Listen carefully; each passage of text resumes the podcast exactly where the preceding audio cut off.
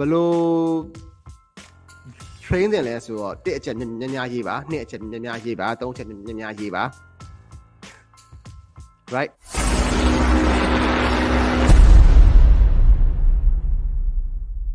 ကွန်တန်ကောင်းကောင်းရေးတတ်ဖို့ဘလို့ train တင်လဲကို Alex ဆိုပြီးတော့ကိုတန်းစင်လင်း Rufi ကနေမေးသွားတာပါ um okay ဆိုတော့ဘလို့ train တင်လဲဆိုတော့တစ်အချက်များများရေးပါနှစ်အချက်များများရေးပါသုံးအချက်များများရေးပါ right များများရေးပြန်ကြည့်ကျွန်တော်တို့ရဲ့အာများများနဲ့များများရေးဆိုတာ content ပဲများများရေးတာမဟုတ်ဘူး content အနေအထားလိုက်များများရေးပါ content topic ကိုလည်းများများရေးပါ content ဝေါ်ဟာရတွေကိုလည်းများများရေးပါ right အဲ့လိုမျိုးများများရေးခြင်းအဖြစ်ကျွန်တော်ကဘာဖြစ်လာလဲဆိုတော့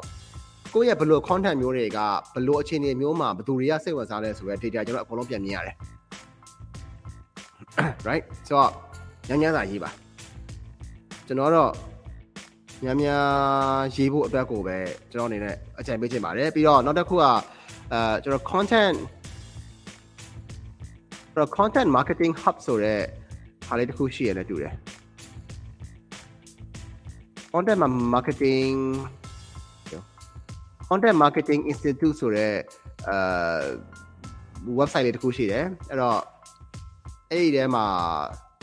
အဲ့ဒီထဲမှာကျွန်တော်တို့ content နဲ့ရေးတာနဲ့ပတ်သက်ပြီးတော့ကျွန်တော်သွားဖတ်လို့ရတယ်ကျွန်တော်တို့ F1i မှာလည်းဟိုအလင်းတင်တဲ့လိုမျိုးအာကျွန်တော်ပြပြပေးပါမယ်နော် F1i မှာလည်းအလင်းတက်တဲ့လိုမျိုးကျွန်တော်တို့ပြန်ပြီးတော့